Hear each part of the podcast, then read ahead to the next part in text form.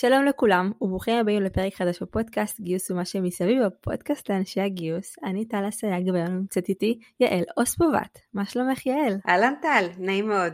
הכל מצוין. איזה כיף שאת כאן, ממש. Uh, למי שלא מכיר, יעל היא יועצת ארגונית ואשת גיוס כה ב-15 שנים האחרונות, והיום יש לנו פרק מאוד מיוחד, אנחנו יכולים לדבר על הקמת תשתית גיוס בסטארט-אפ שהוא ממש עכשיו uh, מתהווה. אז פתיח ומתחילות.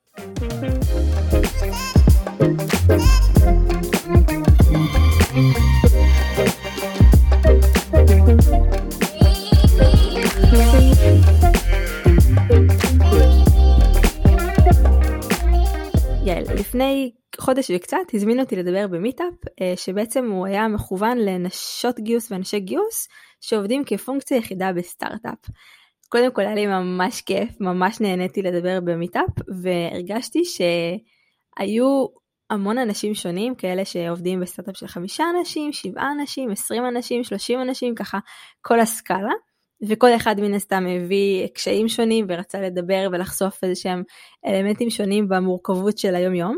אבל אני חושבת שהיה משהו אחד משותף לכולם, אולי שניים. אחד, זה תחושת הכאוס והשני זה המורכבות עם הפאונדרים. אני חושבת שהיה מאוד בולט, אפילו אצל מרביתם, לא כולן, שבחלק מהמקרים הפאונדרים לא מספיק מעריכים גיוס, לא, לא רואים אותו כמרכזי בארגון, לא מצליחים לתקשר בשפה שהיא דומה. אה, בחלק מהמקרים המגייסת כבר רוצה שיהיה מערכת גיוס ואין תשתית עדיין, וכאילו כל אחת הביאה איזשהו תסכול וקושי שאמרתי וואו איזה מדהים להם שהן נמצאות בכזאת עשייה ואני אפילו עדיין לא עשיתי את זה אף פעם למרות שאני בטוחה שמתישהו או שאני אקים אה, תשתית או שאני אקים סטארט-אפי של עצמי נראה. כבר הקמת אחד נכון? זה הפודקאסט. נכון, אה, נכון, אבל אה, באמת היה לי כל כך כיף לדבר איתן ובאמת חשבתי שיהיה נכון לעשות פרק על איך, איך מקימים תשתית גיוס בסטארט-אפ שהוא ממש עכשיו מתהווה. כדי לפרק את הקשרים ולהבין יותר איך לעשות את זה ולמצוא את הידיים ואת הרגליים בתוך כל הברדק הזה שקורה בהתחלה לפחות. אז לפני שאנחנו מתחילים אני רוצה לספר לכם שכן הצטרפה אליי אה, שותפה להקמה ולהפקה של הפודקאסט קוראים לה מאיה עידן והיא עזרה לי ועוזרת לי מעתה ואילך במחקר לקראת הפרקים אז גם את יעל התכוננת לקראת הפרק, גם אנחנו, אני ומאי התכוננו לקראת הפרק ועשינו ככה חיפוש על case studies, איך נכון לעבוד בעיקר בשוק הגלובלי מבחינת גיוס בתשתית. אז אני מאוד מתרגשת כבר לשמוע את כל מה שאת רוצה לספר לנו ולחלוק. אז uh, בא לך לספר קודם כל מה את עושה ביומיום שלך, בעיקר בסטארט-אפים? כן, בטח, בטח, ממש בשמחה. אה, אז קודם כל היום יום שלי הוא מעניין ומגוון כי אני מגיעה משתי דיסציפלינות כאילו, אני יועצת ארגונית בכובע היותר רחב שלי ואני מלווה אה, מנהלים וגם יזמים בכל מה שהוא ארגון מתפתח, זה יכול להיות סטארט-אפ טכנולוגי, זה יכול להיות סטארט-אפ חברתי, זה יכול להיות אפילו גן ילדים, אבל זה משהו שהוא באמת באמת באמת גדל מאפס בעצם, ויש בו יזם שהוא יזם פעיל, וכשיש יזם פעיל אז ללא ספק צריך לראות איך מדברים איתו באותה שפה. האמת היא שבדיוק מאוד התחברתי למה שאמרת קודם, כי זה מאוד מאוד מיוחד, מאוד קשה מצד אחד, ומצד שני אני רואה את זה ממש כסוג של משימת חיים. תחיל ותספרי קצת אולי עם איזה סוג של חברות את עובדת היום, או מה לאחרונה פגשת מבחינת גודל של חברות. היקף אה, פעילות מבחינת אה, רוב החברות שאתה עובדת זה חברות שהן בשלב של סיד, A, ראונד A, ראונד B, כלומר מה בעיקר את תומכת ביומיום שלך? אז זהו, זה נורא פשוט. אני יכולה להצטרף ל- ליזם ברמה של חשיבה אפילו בפרי-סיד, ורוב העשייה שלי אה, מתרכזת ברמה של סיד. כשיש את הראונד A אז גם אני כבר מרגישה שקצת גדלנו בשכונה, כן, צפוף, אה, וזה באמת בגיוס. בייעוץ הארגוני אני כן עובדת עם סטארט-אפים ראונד A ו-B, מפני שאז צומחת כבר שדרת מנהלים אה, רחבה והרבה הרבה יותר מקצועית ממה שהייתה. אה, בשלב הזה של ההתחלה, כי באמת בשלב ההתחלה זה יכול להיות, אגב זה לגמרי נורמלי שאנשים מתחלפים, כן, כי לא כל אחד יודע ויכול וגם רוצה לעבוד בשלב כזה שבאמת כולם עושים הכל, מאוד מאוד מאוד אה, לוחצת ולא פשוטה. אלמנטים שציינת פה לגבי להיכנס ולעשות כל מיני דברים שהם לאו דווקא ביום יום והם משתנים כל הזמן, זה מאפיין את הטייפקאסט שאנחנו בעיקר רוצים לגייס בחברות אה, סטארט-אפ, כלומר יש באמת אם אני צריכה ככה לחלוק את זה, אני חושבת שלושה פרמטרים שצריכים לקרות שגיוס הצליח בטח בשלב של סיד או ראונד A, שזה יכולת לדלבר, כלומר להביא מוצר ולבנות איזשהו משהו שהוא באמת פוגש את השוק, כל האלמנט של החוסן, היכולת uh, להתמודד עם שינויים ואתגרים, שדברים ככה פתאום נופלים ולא מסתדרים, ופתאום יש ככה שינויים וכל יום נראה אחרת. והפשן, הרצון הזה לעשות דברים מאפס, לרקום מוצר חדש, לראות את הנולד, כלומר אני חושבת שזה שלושה פרמטרים שבסוף חייבים להתקיים כדי שזה יצליח. לא משנה אם אתה יועצת הארגונית של הארגון, ובין אם זאת אשת product או אשת המכירות, זה לא משנה, כלומר, זה השלוש תכונות האלה נראה לי תכונות שחייבות להתקיים כדי שזה יעבוד בשלב כזה של ארגון. נכון. אני רוצה שנתחיל אה, בשאלה הראשונה שככה הכנתי לך, זה איך בכלל מדברים את השפה של היזמים שלא מבינים גיוס, את יודעת, לפעמים הם לא מעריכים, אומרים, אה, בסדר, יש לי קשרים, אני אדבר עם ההוא, הוא יביא לי את ההוא, ו... וזה לא תמיד עובד, אז איך בכלל מייצרים שיח בשפה שהיא משותפת בין אנשי גיוס לבין אנשים שהם לא מבינים גיוס, אבל כן מבינים בעסקים. נכון, אגב, יש פעמים שהם גם לא מבינים בעסקים. זאת אומרת, זאת אומרת, אה, אנחנו פוגשים הרבה מאוד יזמים מכל מיני סוגים שמגיעים להקמה של הסטארט-אפ, ואם אנחנו מדברות באמת על סטארט-אפ טכנולוגי, אז הם יכולים להגיע באמת מעסקים ויכולים להגיע מהטכנולוגיה, ואז זה אומר שאת העסקים הם לומדים. אה, באופן כללי אני רוצה רגע להגיד אה, איזה משהו כללי על הסטארט-אפים, סטארט-אפים יכולים להיות עם יזם אחד, שהוא בעצם תחתיו הכל נמצא והוא שולט בכל וזה בדרך כלל כזה מין freak control וזה יכול להיות גם צוות וכשעובדים עם צוות אז הרבה מאוד פעמים אחד אומר ככה והשני אומר ככה ו, ובעצם הדבר שאני כן רוצה להגיע איתם זה שאחד, לא רק אחד מאשר ואז השני אומר לא לא לא לא לא אבל אני לא אישרתי, זאת אומרת גם בטופס של, ה, בטופס של הגיוס אני כותבת לצורך העניין יזם א' ויזם ב', זאת אומרת אני רוצה להגיע לזה שיהיה בינינו קונסנזוס ו- ולכן אם אני באה עם ארגז כלים של גיוס מאוד מאוד קלאסי ו- ואני צריכה לדלבר וכולי וכולי, הרבה יותר חשוב השפה המשותפת הזאת מאשר, לא, לא נעים לי באמת להגיד, מאשר לדלבר. וזה הבדל מאוד גדול. את כאילו ממש מחלקת משימות ליזם א' ויזם ב'? זאת אומרת אתה תעזור ב-X, אתה תעזור ב-Y, אתה תסכים איתי, כאילו, מה זה אומר ממש, אם את אומרת לייצר קונסנזוס, איך עושים את זה בפועל? אז, אז אני קודם כל אגיד אה, ממש ככה מקרה, באמת תמונה. פסח, איזושהי שנה, אני והיזם מראיינים אה, מתכנתים. עכשיו, זה באמת מחזה, מפני שאחד, הוא לא יודע איך לראיין, שתיים, הוא חסר סבלנות לחלוטין, זאת אומרת אחרי רבע שעה זה נגמר לו, ואני מבחינתי רבע שעה זה בן אדם יתבע אותנו אחרי, אחרי זה, כי הוא יגיד מה אתם לא נתתם לי בכלל הזדמנות להגיד, ו, ו, ובעצם בתוך התהליך הזה בין אה, בן אדם לבן אדם אה, ישבנו ודיברנו, אוקיי, אז איך היה לך, איך היה לך, למה שאלנו את השאלה הזאת, מה היא נתנה לנו, מה אתה חושב, מה את חושבת, זה בעצם בניית השפה המשותפת. אני חושבת שזה בעצם הדבר המרכזי בכל עבודה עם יזמים, בכל עבודה עם, עם סטארט-אפים, מפני שבאמת אם אין את זה אז שום דבר לא שווה, אני יכולה להביא אלף מתכנתים מצוינים, אגב אם זה סטארט-אפ אה, חברתי אז אני יכולה להביא אלף גננות או אלף מתנדבים, זה לא משנה, אבל אף אחד מהם לא יהיה לרוחו של היזם ואז הכל יתפרק ובאמת חבל על, ה, חבל על המאמץ. אם מדובר נגיד בשני יזמים או יותר, אז קודם כל אנחנו מחליטים מי, מי, מי הפוקל פוינט, מי עובד מול הגיוס והרבה פעמים אה, אגב אה, בשלב הזה קורה שאני למשל אני אגיד איך אני עובדת אני בדרך כלל פרילנסרית אה, של, של הארגון אבל ללא ספק בשלב הזה יש כל מיני תצורות של, של עבודה עם יזמים, זה יכול להיות באמת outsourcing, זה יכול להיות פרילנס, זה יכול להיות גם אשת גיוס במשרה חלקית בעיקר או במשרה מלאה אפילו, זה כל התצורות האלה נכונות ובלבד שאנחנו כן מצליחים להגיע להבנה מה באמת צריך בשביל הגיוס הזה וזה משהו שאני לגמרי חושבת להכניס אותו ממש ברגע הראשון, ברגע שנחתם חוזה כל הדבר הזה צריך לקום כי יזם אה, רוב היזמים, לפחות שאני עבדתי איתם, הם לא מבינים לטווח אה, ארוך מדי, הם מבינים לטווח קצר לפתור את הבעיה ולהתקדם. והעניין הזה שבואו נתקדם ונתקדם ביחד, זה בעיניי אה, המפתח של כל הסיפור הזה.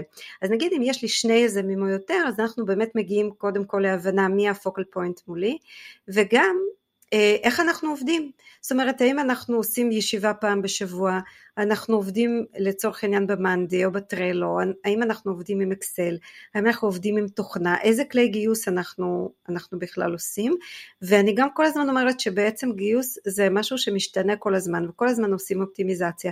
זאת אומרת, אם, אם היינו, אם עשינו X, זה לא אומר שזה מה שנעשה, יכול להיות שבשלב הבא נעשה Y. ואז אנחנו אה, ככה גם מתקדמים בצורה כזאת שהיא מאפשרת לנו כל הזמן ככה חשיבה משותפת והבנה משותפת מה קורה כאן, מה למדנו מהשלב הקודם ומה אנחנו באמת יכולים עוד לעשות בשלב הבא.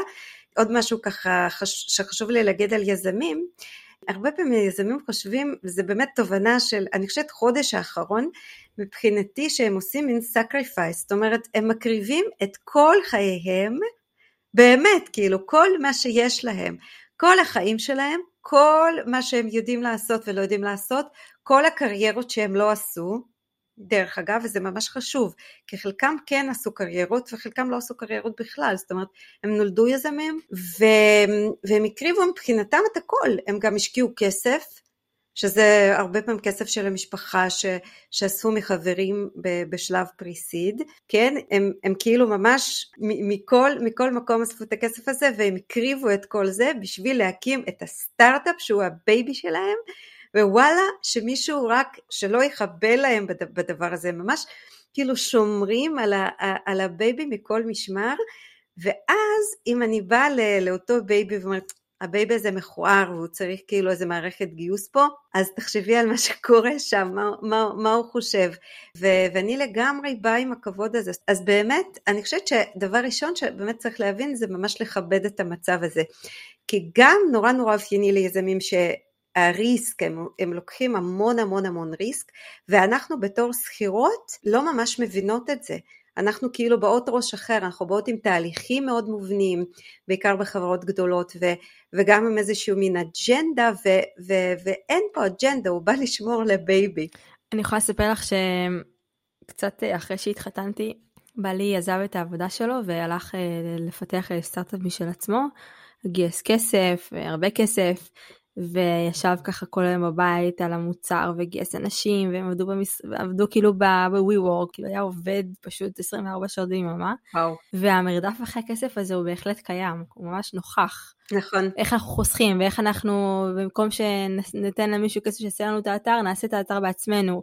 כאילו זה מאוד מאפיין את השלב של הסיד, כלומר שבוא נעשה משהו שהוא, נכון. יש לו איזשהו MVP או איזשהו התכנות בכלל להוכיח שיש איזו התכנות למוצר הזה בעולם האמיתי. אז לדבר כאילו ב-level של מערכת גיוס זה באמת לא פוגש את המציאות, אז לא. זו נקודה ממש ממש טובה, ממש. נכון, ועוד דבר שממש חשוב מאוד ככה להזכיר בקשר ליזמים, שגם, דרך אגב זה מופיע בספרות, זה מופיע אצל ריז בלין סטארט-אפ, שזה ספר אה, די חשוב, הוא לא מאוד חשוב, כן, אה, לנו כאנשי גיוס, אבל הוא בהחלט מהווה איזושהי אידיאולוגיה ומתודולוגיה של איך אנחנו בכלל מסתכלים על דברים. בקצרה האידיאולוגיה של הספר זה בעצם שאנחנו צריכות להבין לעשות פיבוט. מה זה לעשות פיבוט? זה פשוט לבוא ולפעמים השינוי הזה הוא 180 מעלות ממה שעשינו. ויכולת כאילו, זה חוסן ממש, ממש ב- בליבו של מושג החוסן, זה הדבר הזה, לדעת לעשות פיבוט. כלומר להגיד, רגע, ניסינו, הכל בסדר, זה לא עבד. אז עכשיו פה מתחיל עוד סרט של, של קלאש עם, עם אה, אשת אה, גיוס או איש גיוס. איש גיוס חושב שבעצם הכל צריך להיות מין משהו מאוד מאוד מאוד כאילו מסודר. ורגע, היזם כבר עשה פיבוט, הוא כבר לא שם, הוא לא שם, ו- ולתפוס את זה ש, שנעשה פה פיבוט, זה לקח לי אישית הרבה מאוד זמן להבין שבואו נכבד רגע גם את, ה, גם את הפיבוטים האלה, כי בעצם כולם פה במרדף אחרי כסף, וכולם פה במרדף אחרי ה-MVP, וכמו שג'ובס אמר זה יכול להיות dirty, אבל זה צריך לעבוד, וההבנה הזאת היא גם מאוד מאוד חשובה, כי הרבה פעמים יזם הוא רוצה או לגייס את כולם, או לא לגייס אף אחד. זה כאילו, את יודעת, זה כאילו שחור לבן כזה, משחק כזה, ו- ואנחנו גם כאילו נכנסות למשחק שאנחנו רוצות שבאמת הבן אדם יהיה, ו- ולא, אני באמת צריכה להביא פה מישהו שיודע לדלבר, והרבה פעמים זה גם בן אדם מסוג אחר, זה בן אדם שקודם כל הוא חייב באמת, כמו שאני חיה בזוגיות, כאילו עם אה, יזם את, את עשית את זה בבית, אני לא ניסיתי, זאת האמת. זאת האמת, ניסיתי, אה, ניסיתי הרבה במה שנקרא בקריירה שלי, אז באמת הזוגיות הזאת עם היזם, אז גם לאנשים שאנחנו מגייסים צריכה להיות איזושהי זוגיות עם, ה, עם היזם, והרבה מאוד פעמים, לפחות לי היה פיתוי להגיד, רגע, אבל אתה אמרת שהוא ככה וככה וככה, אוקיי, וכאילו אני באמת ככה עושה, עושה עם העיניים, זה קצת קשה להראות את זה בפודקאסט, זה, זה הפתעה מאוד גדולה, ואז אני מזכירה לעצמי, רגע, רגע, רגע, אבל הוא כבר, כבר עשה פיבוט, אני צריכה, אני צריכה גם לעשות את זה אה, בתוך הראש שלי, ולהגיע אליו אה, מחר בבוקר עם רעיון חדש, וזה כל הקטע, זאת אומרת, כל פעם להביא רעיון חדש, להביא רעיון חדש, באמת לא לעשות more of the same. עכשיו לי לי כבן אדם זה נורא נורא מתאים משום מה. כן, אתה אומר, אז כאילו בעצם זה לא צריך, לא לכולם מתאים להיות בגיוס אה, בהקמה. חד משמעית לא, ו- ויש הבדל מאוד מאוד גדול, אנחנו גם ככה מאבחנים, יש הבדל מאוד גדול בין אנשי חברות הגדולות ואנשי חברות הקטנות, בכל הלבלים של הסטארט-אפ, זאת אומרת, אה, אם יש לי בן אדם שהוא נגיד אמ, שוב, זה אחת השגיאות ש, שנעשות, אה, אגב גם אני חטאתי ועשיתי אותה פעם אחת, אבל זה, זה היה פעם אחת יותר מדי, בעצם אנשים בכירים שאנחנו מגייסים בשלב שבאמת אנחנו כבר מתקרבים לראונד A, או אפילו בתוך הראונד A, אנחנו מגייסים בכירים באותו, באותו סטארט-אפ, והבכיר הזה הוא צריך לדעת להיות hands on. אם הוא יודע רק כאילו איזה מין high level כזה, אז אנחנו הפסדנו את הכל. אז גם האנשים שבאמת גייסנו בעמל רב אה, ילכו, כי בסטארט-אפ כאילו הכל דינמי, אז בן אדם יכול פשוט ללכת יום אחד ו- ואת לא תראי, ובאמת אה, נורא נורא חבל. ויש אנשים שהם באמת אנשי החברות הקטנות, כלומר הם יודעים יום אחד ללכת ופשוט למכור למשל, או ללכת ולעשות קוד ריוויו, ואם הוא לא רוצה לעשות קוד ריוויו או לא יודע, אז צריך להביא מישהו שיודע לעשות את זה. זאת אומרת באמת מבט הזה שהוא יותר אה, אה, כאילו גם מגבוה ממעוף ציפור וגם ממש ממש ממש מלמטה זה משהו שמאוד מאפיין את אנשי החברות הקטנות בכל הלבלים שלהם.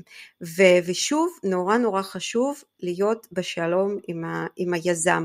כי לפעמים שוב אנחנו יכולים להביא בן אדם באמת סופר דופר שיש לו רזומה מפה עד להודעה חדשה וגם אה, כמובן יעלה לנו הרבה כסף אבל יכול להיות שזה פשוט לא נכון. ויש כזה ספר שבאמת שמעתי לאחרונה באודיבל, אה, זה אומר תחשוב שנית, של אדם גרנט. כן, Think Again, ספר מעולה. Think Again, ספר פשוט, אני חושבת שכל איש סטארט-אפ צריך ממש עכשיו להתחיל לקרוא את הספר, כי זה בדיוק מה שהוא אומר.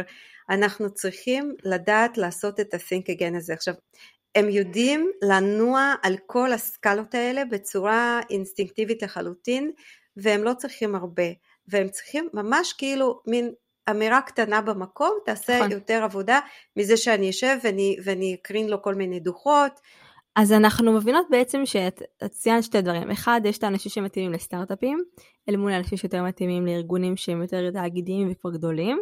שתיים, אמרת עוד משהו מעניין, שאנשים שאנחנו מצרפים לסטארט-אפ שהוא ב-early stage, צריכים גם uh, לעבוד עם הידיים ולא לבוא רק בכותרות ובסיסמאות. כן. Uh, אני רוצה לקחת אותך צד אחד פנימה ולחשוב איתך ביחד איזה מאפיינים או איזה תוכנית uh, גדילה אנחנו יכולים לעשות. אז למשל, mm-hmm. תשלימי כמובן מה שאת חושבת, אבל אני חושבת שזה קודם כל לגייס אנשים שהם... Uh, הם יודעים לבנות צוותים, כלומר שהם מקושרים ויכולים בסוף גם לצמצם עלויות, כי בסוף אם אני מגייסת מישהו שהוא כזה all around, מכיר את כולם, כולם מכירים אותו, הוא מפורסם כזה בתעשייה, או יהיה קל לגייס טוב, הוא יביא איתו אחר כך הרבה אנשים שיחסוך mm-hmm.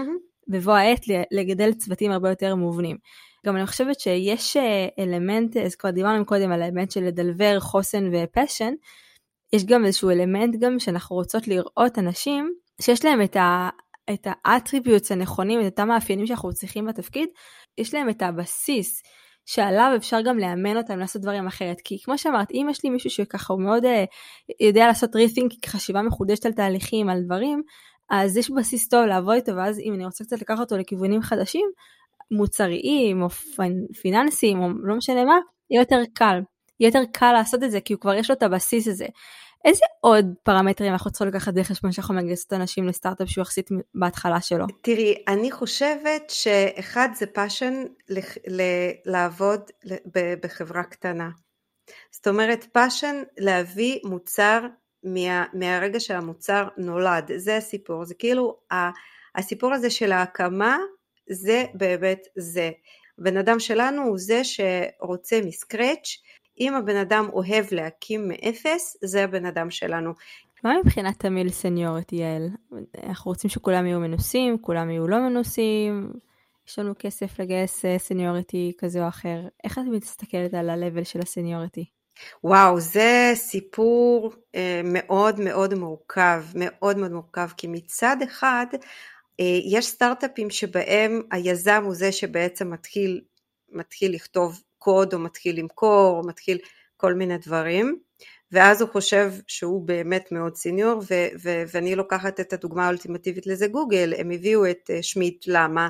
כי הבינו בשלב מסוים שהם לא מסוגלים, אה, לא מסוגלים להתמודד עם מה שקורה ובטח לא ברמה הניהולית וגם בחלק מזה גם ברמה המקצועית. כן, בדרך כלל כשצריך אז מגייסים קודם סיניור ואחרי זה ג'וניורים, אבל אני כבר ראיתי שגייסו ג'וניור של לא יודעת ש, שעשה קוד, לא, לא נעים לי להגיד מבית ספר, ואז הוא עשה קצת קוד בצבא באיזשהו חיל האוויר או משהו כזה, ואז הוא כבר מתחיל לעשות ארכיטקטורה של המערכת. עכשיו, אני לא יודעת אם זה, אם זה ארכיטקטורה גרועה או טובה, אבל המוצר מצליח, כן? ששוב, אנחנו, אנחנו בוחנים את הכל בסוף אם זה מצליח או לא, כי, כי בסופו של דבר זה סיפור נורא נורא מורכב, ויש מצבים שבהם באמת באמת באמת צריך סיניור, כי אחרת המערכת פשוט לא תתפקד. אמ, אני נתקלתי בזה כשממש לפני, ממש לפני קורונה, זה, זה היה מדהים, בסוף הביאו מישהו ש, שהוא כזה מיד לבל, זאת אומרת הוא לא סיניור והוא לא ג'וניור, והחזיק את הפיתוח כמו גיבור מאוד מאוד גדול. זאת אומרת, יש פה הרבה הרבה הרבה דברים. עכשיו, למה לא הביאו סיניור? כי פשוט הם לא היו במצאי. באותו תחום ש, שאנחנו היינו בו אז, רוב התחום היה עדיין באקדמיה ו, ורצו להביא מישהו מתעשייה ולא מהאקדמיה וכולי וכולי, ואנשים הנדירים שכן עשו את זה, אז עשו את זה, ב, היו מגויסים לכל מיני חברות, והרבה פעמים חשוב אה, להביא אנשי מקצוע נוספים. לצורך העניין, הרבה פעמים הבאתי עורך דין כדי שיתמוך בתהליכים, כי הרבה מאוד יזמים פשוט לא יודעים דיני עבודה. פשוט לא מבינים, זאת אומרת זה, זה יכול להיות גם הכי, הכי בנאלי שבעולם, למה לא שאלת אותו איפה הוא גר? אמ, אסור לי לשאול אותך איפה אתה גר, אבל אני, אבל אני חייב את זה לדעת. גדול. אני חושבת יעל גם שאם את אה, ציינת מקודם על המיד לבל שעבד טוב, אז אם נגיד זה קבוצה של יזמים, שאחד מהם הוא ה-CTO או האיש הטכנולוג, אז הוא יכול נגיד לבנות את הארכיטקטורה. נכון. ואז לחלק משימות, נגיד אתה תעשה ככה וככה, אתה תעשה ככה וככה, ואז הוא מנצח על הדבר הזה מלמעלה. נכון. ומתווה את הדרך עם אנשים שהם פחות מנוסים, אז זאת אומרת זה נשמע שזה משהו שכן יכול לעבוד בעיקר כשיש אנשים שהוא כאילו קבוצה של יזמים ולא מישהו כזה שהוא one man show שמנהל את, את הכל מלמעלה. נכון, אבל אני כבר פגשתי CTOים שלא באמת hands on עכשיו, ואז הם באמת לא ממש מבינים בתוך המערכת, וכבר פגשתי אחד ש, שהוא עבר שתי שפות בדרך שאותם הוא למד מהספר אה, לפני שבועיים, ואז הוא נהיה כאילו CTO. עכשיו, יש, כל, יש באמת כל מיני, ו, ושוב, אני באמת באמת באמת לא שופטת את זה, אני, אני מקבלת את זה כאיזה מין משהו שחשוב לי ללמוד אותו, לראות אם הוא עובד, ו, ובמקסימום אני פשוט אה, אבוא ל, ל, לאותו יזם או CTO ואני אגיד, רגע, אתה חושב שזה, אתה באמת חושב שזה עובד? זה באמת ככה, זאת אומרת, הזוגיות הזאת היא מאוד חשובה. כן, זה נראה לי שזה פשוט באיך לבסס אמון, וקרקע בריאה לדבר על הדברים, לתת פידבק אמיתי. לשני הצדדים. נכון. התחלנו קצת לדבר על היחסים שצריכים להיבנות בין היזם או היזמית לבין אה, אשת הגיוס או איש הגיוס, אז בואי נתחיל קצת אה, לפרוט את זה ליותר גורמים כדי להבין יותר איך אפשר לעבוד בצורה שהיא מפרקת את הכאוס הזה למשהו שהוא טיפה יותר מובנה, שוב עדיין עם כל הפיבוט וכל השינויים בדרך, אבל שכן יהיה יותר קל להתנהל בעולם הזה. אז דיברת על היחסים עם היזם או היזמית, על האמון שצריך להיבנות, על התקשורת המקרבת בין השניים, על המוכנות לקבל רעיונות אחרים, המוכנות להשתנות ולזוז מהר גם כשהיזם או היזמית לא משתפים עד הסוף האם קרה כבר הפיבוט או לא. מה עוד צריך לעשות כדי שזה יעבוד למגייסת כפונקציה יחידה בארגון? להכיר את הטכנולוגיה. זה, זה נשמע מאוד אה, מצד אחד אה, לא, לא מטריה שלנו, כלומר אנחנו באות עם, עם הפסיכולוגיה, לא יודעת מה שלמדנו ו, וכל מיני כאלה, אבל להכיר את הטכנולוגיה זה מאוד מאוד בסיסי, כי אם אני לא יודעת ואני לא, לא נושמת את האוויר שהם נושמים, יהיה לי מאוד קשה גם לבסס את האמון וגם לגייס. כי בעצם כשאני קוראת מודעת דורשים אני צריכה להבין בדיוק למה היא מכוונת, איזה מין בן אדם אנחנו מחפשים, גם במובן של הטכנולוגיה וגם במובן של ה-qualities האישיים שלו. זאת אומרת, אני, אני באמת צריכה להבין איזה, איזה אנשים יש בתחום הזה, נגיד באמבדד, זה סוג מסוים של אנשים, לעומת מישהו שהוא יותר אפליקטיבי, זה סוג אחר של בן אדם, או בן אדם שהוא יותר, אה, אם אנחנו מחפשים בן אדם שעבד באותה שפה הרבה שנים, או שאנחנו מחפשים בן אדם שעבר בין השפות. זה שוב, אני, אני מכוונת כאן אה, להיכרות מאוד מעמיקה עם הטכנולוגיה, ואם יש לי מוצר, אז חשוב מאוד שאני אראה את המוצר, נגיד יש מעבדה או משהו כזה, חשוב מאוד שאני אראה אותה, ו, ובאמת באמת זה, זה ללמוד שפה. בסוף זה מצליח, אבל זה חלק מה...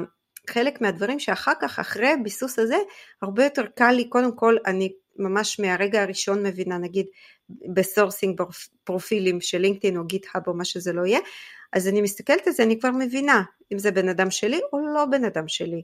אה, כמובן אמרנו חברות גדולות וקטנות, אבל הטכנולוגיה היא עוד יותר בסיס מזה.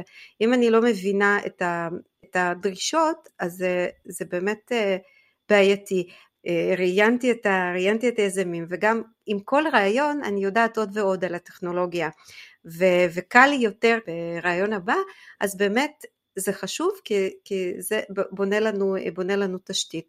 הדבר המרכזי הנוסף זה באמת להכיר את הטיפוסים של אנשים ששוב שייכים לטכנולוגיה ו, וגם אה, במקצועות אחרים, למשל במכירות, צריך להבין איזה מכירות אני רוצה, כי שוב, קצת שונה מי שמכר מערכות מידע למי שמכר אה, כל מיני, לא יודעת, אה, ציוד כלשהו. ומי שמכר ביטוח זה בכלל בן אדם שלישי, אנחנו יודעות את זה, אבל אנחנו לא מספיק כאילו מפקסות את זה כשאנחנו באות, כי כאילו הרבה, הרבה יותר קל להגיד אוקיי הוא לא מתאים כי הוא לא מכר עט, אבל רגע למה הוא לא מתאים?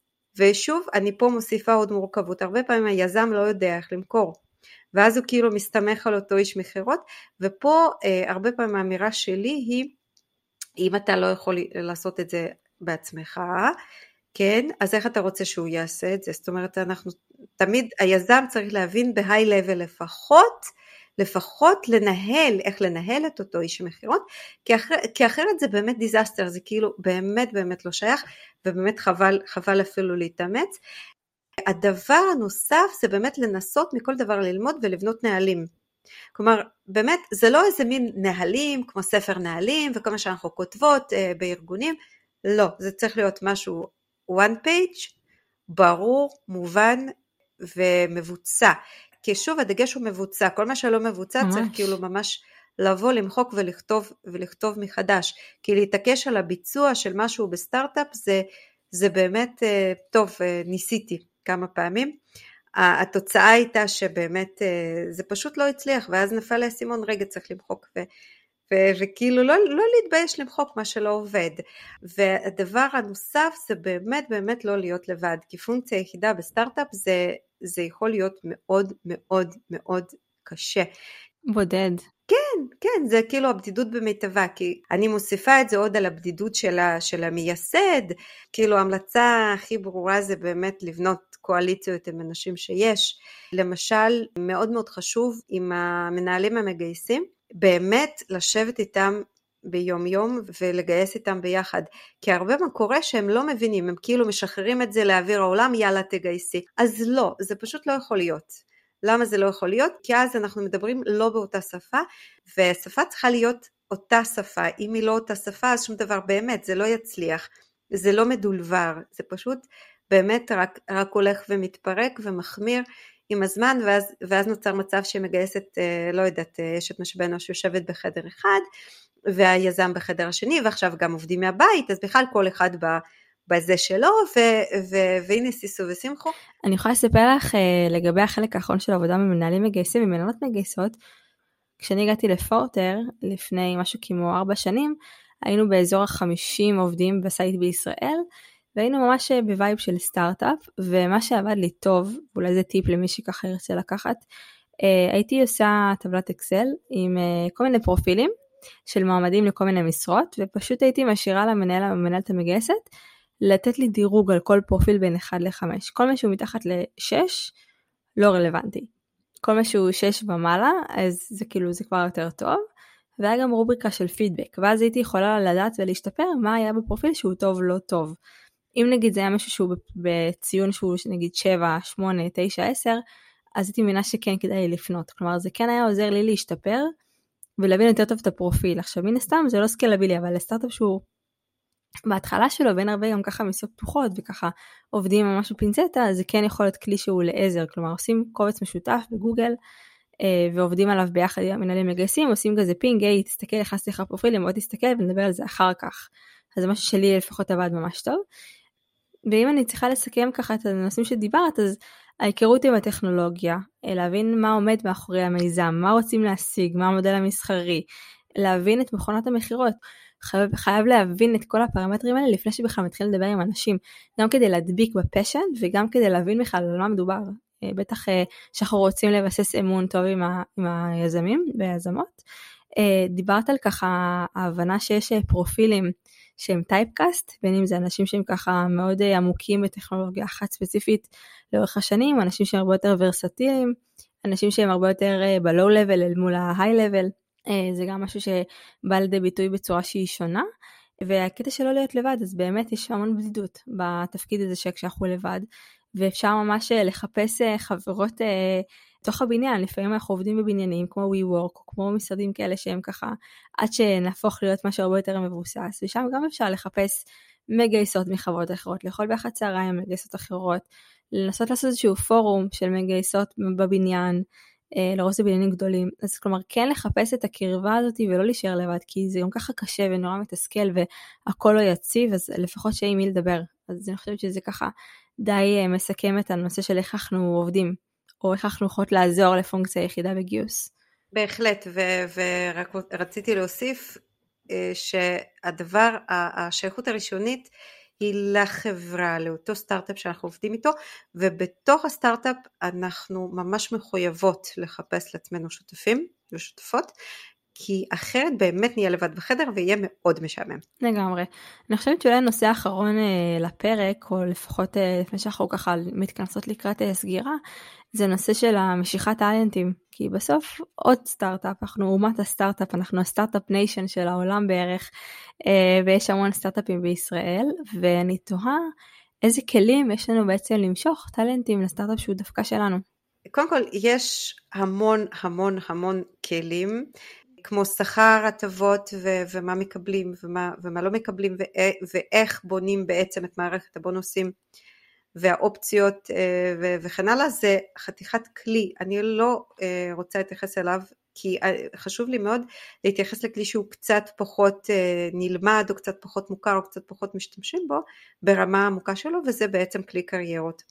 כי כשאנחנו מדברים על אנשים, אנחנו לאורך, ה, לאורך הפודקאסט דיברנו על כל מיני טייפקאסטים כמו שהזכרת, והטייפקאסט הזה הוא מגיע מאיזה מושג בפסיכולוגיה שנקרא רול מודל, מי בעצם הרול מודל שלנו, וחשוב מאוד להבין מי הרול מודל של היזם, וגם מי הרול מודל של, של המגויסים שלנו.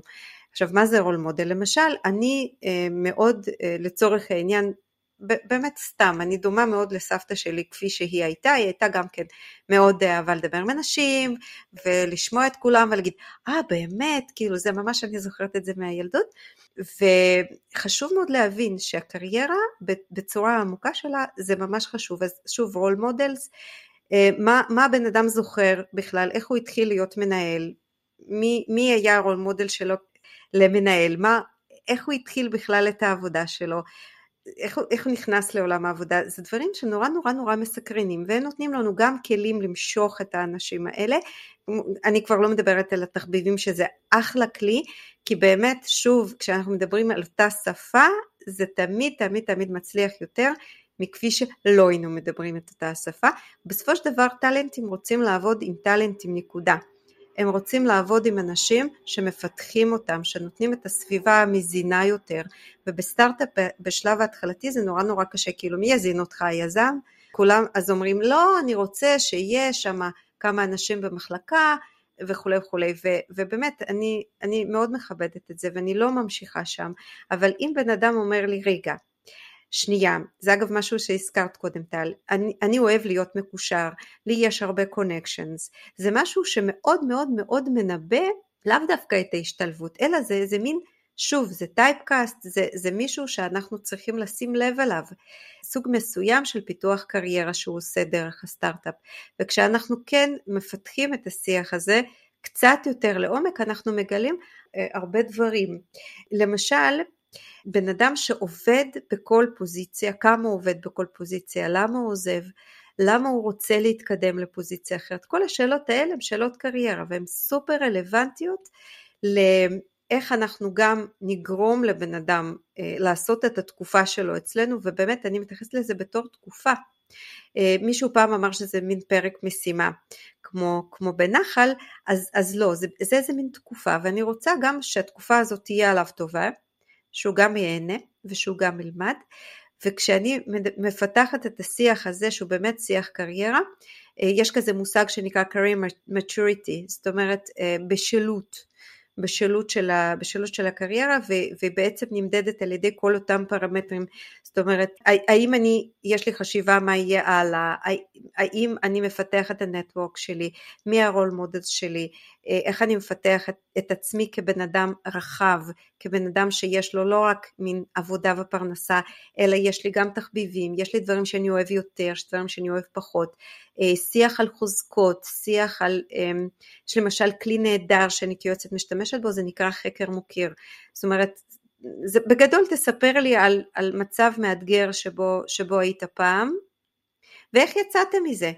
זה נורא נורא פשוט, אבל זה בעצם מוציא מהבן אדם גם, בצורה, גם, גם כאבחון זה עובד טוב, את החוזקות שלו ואת היכולות שלו, ושם בעצם אני כבר בשיח העמוק של מה באמת אה, הבן אדם הזה מביא איתו ולאן השלב הבא שאני יכולה לקחת אותו בתוך החברה ואז בעצם זה כלי נהדר גם למשיכה וגם לשימור וגם אגב לשיפור כי הרבה מאוד פעמים אנשים אה, מגיעים לאיזשהו מין סרטון עם החברה לא בגלל שהם לא טובים וגם לא בגלל שהחברה לא טובה, אלא בגלל שמשהו באינטראקציה שם לא עבד נכון. ו, ו, ופה זה באמת הקטע גם של ייעוץ וגם של משאבי אנוש, כאילו להביא את הדברים האלה על דיוקם, להביא את האנשים להבנה איך הם ביחד בונים משהו וגם מתפתחים כאינדיבידואלים, כי זה בעצם נורא נורא חשוב. אנחנו כ... סליחה, אבל אנחנו הכי חשובים אצל עצמנו, והיום בתקופה הנוכחית אנחנו ממש מדברים על זה שקריירות נהיה פתאום איזה מין באז ואני באמת לא לוקחת את זה כבאז, אלא לוקחת את זה לרמה מאוד עמוקה של זה. מדהים, אני גם חושבת שזה מתחבר לביטוי אמילי, אני מה יוצא לי מזה, מה יוצא לי מזה שאני עכשיו אבוא לסטארט-אפ הזה, איך הוא יפתח אותי, אז זה באמת אה, נקודה מעניינת, כלומר מה אני יכולה לתת לאחרים ומה הם יכולים לתת לי. בטח לסטארט-אפ שהוא בשלב כן. מאוד מוקדם, מדהים, סיכמת את זה מדהים. אם אני מחש... חושבת על אולי עוד דברים שאפשר לעשות כדי למשוך טאלנטים, אז אני חושבת שקודם כל לעוף חזק על רפרלס, על חבר מביא חבר, כי בעצם זה, לפחות בהתחלה זה כן, לעבוד בטח. מאוד מאוד חזק. וגם אה, מהיום הראשון אני חושבת שאנשים מתעוררים מאוחר מדי על ה-employer branding שלהם, כי קורה היום שאני מרגישה שאנשים מגיעים כבר לאיזה חברה שמגיעה כבר נגיד ל-100 עובדים, אז היא מתעוררת ואומרת, היי, אין לי brand. אני חושבת שדווקא כאילו להשכיל ולהגיד, אוקיי, from day one אני משקיעה ב brand שלי ומייצרת brand שהוא אטרקטיבי, בין אם זה שאני מספרת לעולם שגייסתי כסף, ומה אני עושה, ולמה המוצר שלי חשוב בעולם, ומי הנפשות הפועלות, אם גייסתי אנשים שהם כאילו כוכבים, אז למה כדאי לי לספר לעולם שבאמת האנשים האלה נמצאים אה, בארגון שלי, כלומר ממש להשקיע את כל המאמצים על לחזק את ה brand כבר מהיום הראשון, ואני חושבת שככה מה שאת ציינת על המשיכה ואיך אנחנו מייצרים role modeling ולמה אנשים רוצים לבוא לקר... לעשות קריירה אצלי בארגון, לצד היכולת שלי גם לייצר אה, אה, brand חזק, זה משהו שכן אמור לסייע. אה, נכון. שאלה אחרונה אולי, אני חושבת, אה, לפני שאנחנו מסכמות, זה ההיבט הזה של אה, האם לגייס במיקור חוץ מגייסות, או from day one לגייס, או כבר מיום הראשון לגייס מגייסת פנימית. כלומר, זה שיח שהוא, אני בטוחה שנמצא בהרבה מחשבה אצל יזמים ויזמות, האם אני כבר בונה איזושהי מישהי שמגייסת לי ובסוף אולי תגדל לעשות גם משאבי אנוש, לא יודעת, או שאני מביאה איזושהי חברה כזאת שעושה מיקור חוץ ובעצם ממלאה לי מושבים. אה, בצורה שהיא הרבה יותר outsourcing כזאת ופחות אה, אני מחויבת אליה בסופו של יום. מה את חושבת? אוי, את יודעת, זו שאלה ממש ממש טובה, וזה שוב לוקח אותנו ליזם או ליזמים. כי בעצם זה נורא נורא תלוי מה הם חושבים ואיך הם תופסים את הדברים האלה, ו, ואגב גם האם הם, הם מכירים את כל האופציות האלה שציינת. הרבה מאוד פעמים אני פוגשת יזמים והם בעצמם מביאים את רוב, ה, רוב הצוות שלהם, אמרתי גם משפחה ו, וחברים, ו, שוב כאן השיח הזה, כי הרבה פעמים יזמים אומרים לא לא לא לא אנחנו יודעים להביא את הצוות שלנו לבד, את רק תעזרי לנו בזה ובזה ובזה. ו... והסוג הזה של העזרה הוא ממש נבנה, נבנה בתוך שיח. עכשיו אין לי באמת המלצה אה, מאוד מאוד ספציפית, כי הרבה מאוד פעמים קורה שיזמים הם יוצאי חברות גדולות ואז משאבי אנוש נורא חשוב להם מ-day one, ויש כאלה שזה הדבר האחרון שהם יגייסו. כי כשיש אה, נגיד היקפים גדולים של פתאום פתאום אה, חשוב לגייס ללא יודע עשר משרות אז, אז באמת כבר לא מוצאים ידיים ורגליים ואז באמת צריך מגייסת. ויש כאלה שיגידו אה, כן אנחנו יודעים אה, לגייס כאילו אבל חשובה לנו דווקא שאלה אבחונית. ופה באמת זה, זה אני חושבת זה כל הסיפור באמת לעזור לאנשים האלה. בגיוס מיקור חוץ יש, יש באמת הרבה מאוד יתרונות. אה, אחד זה באמת המקצועיות, בלי להתבלבל, אבל דווקא מישהי פנימית שצמחה עם הארגון, ואולי היא לא מגיעה מתחום של משאבי אנוש נטו, אבל יש לה משהו מה-DNA הארגוני שזה כל כך כל כך חשוב ליזם, זה מעולה, ויש עוד אה, יתרון, ששוב חשוב להזכיר אותו, יש אה, חברות היום אה, מיקור חוץ גם בישראל וגם מחוץ, מחוץ לישראל, שבאמת יש להם כבר מאגרים של, של אותם מפתחים שכל כך כל כך קשה לצוד אותם, אז כשמהירות היא הסיפור, זה העניין, כאילו אם, אם העסק מאוד מאוד בוער, אז עזבו את הכל, לכו לחברה שיש לה את המאגר הזה, ו- ובואו נצא לדרך, הכל יהיה מהר, הכל יהיה מצוין, אבל יש חברות שדווקא היזם אומר, אני לא רוצה מהירות, לא בא לי, אבל חשוב לי שכל מי שייכנס יעבור איזושהי מסננת עם אשת גיוס שלנו, זאת אומרת, את, את מבינה למה אני מתכוונת, שבאמת זה כמו, כמו לכל, לכל סטארט-אפ יש את הנשמה שלו, בכלל לכל ארגון יש את הנשמה שלו, אז גם לשידוך הזה עם אשת גיוס צריכה להיות איזה מין אה, נשמה וכוונה, ו, וזה בעצם הדבר, הדבר החשוב אה, על אמת. אני חושבת שסיכמת את זה מעולה, אני חושבת שדווקא אני מחזקת את הגישה של בוא נתחיל ב outsource, גם כי אנחנו ב round A או אפילו בשלב ה-seed pre-seed, יש פה אלמנט מאוד חזק של הגמישות והחוסר יציבות, ואת רוצה להביא מישהי שהיא אה, היום איתך, מחר היא לא איתך, ואת אה, פחות תלויה ופחות נקשרת, לפחות בהתחלה לדעתי. אה, אני כן אגיד גם שהרבה פעמים הרבה יותר קל באמת לעשות כזה quick hiring, בגלל שיש באמת database ים, הרבה יותר קל להתחיל לייצר איזשהו stack אה, טכנולוגי והבנה הרבה יותר טובה של מה שצריך לעשות. אני כן אגיד שבסוף, כאילו, כשאנחנו צוות קטן, של נגיד שישה, שבעה אנשים, כל אדם או אישה שנכניס לארגון היא פשוט טורפת הקלפים כי תחשבי שאנחנו כמו משפחה. משפחה ופתאום נכנס תינוק חדש לבית לא מדברת על עצמי אה, ופתאום יש מישהו חדש בבית. הוא פשוט משנה את כל הדינמיקה וילדים פתאום משתנים בגללו אנחנו משתנים בגללו הוא משנה אותנו הוא פתאום משנה את הסדרי עדיפויות שלנו ואת ההתנהגות שלנו. פתאום מכניסה איש מוצר חדש פתאום הוא אומר יש לי רוד בפחי איך המוצר. כלומר הכל משתנה בצורה מטורפת. ו... נכון, ואז, ואז את יודעת, זה ממש, ממש חשוב מה שאת אומרת, כי זה יכול לייצר פיבוט בכלל, ואז כל, כל המגדל הזה שבנינו כאילו מתחיל, מתחיל להתרסק, ואז הגדולה שלנו היא באמת לבוא ולהגיד, אוקיי, יש פה משהו שקורה, בואו נראה איך אנחנו בעצם משנים את, את התמונה ואנחנו בונים איזה מין תוכנית חדשה, או אנחנו, אנחנו עושים איזשהו גיוס אחר, או אנחנו משנים משהו גם בהתנהלות שלנו מול האנשים בתוך החברה, מפני שבאמת המשקל הסגולי של כל בן אדם הוא אה, כמו, לא יודעת, כמו 100 יכול להיות בחברה גדולה. לגמרי מסכימה איתך ממש, גם הסיכון בגיוס הוא הרבה יותר גבוה, כי אם אני מכניסה מישהו שהוא לא רעיל או פוליטי או שמתעסק בזוטות, אז אני יכולה לייצר רק נזק, אז באמת צריך להשקיע המון מחשבה בגיוסים האלה, בטח בשלבים ראשוניים, אה, נכון. ואני חושבת שככה די כיסינו את כל מה שרצינו לפחות אה, להשיג מהפרק הזה. משהו שאת רוצה להגיד לקראת סיום? אז קודם כל טל, המון המון תודה ש... שהזמנת אותי.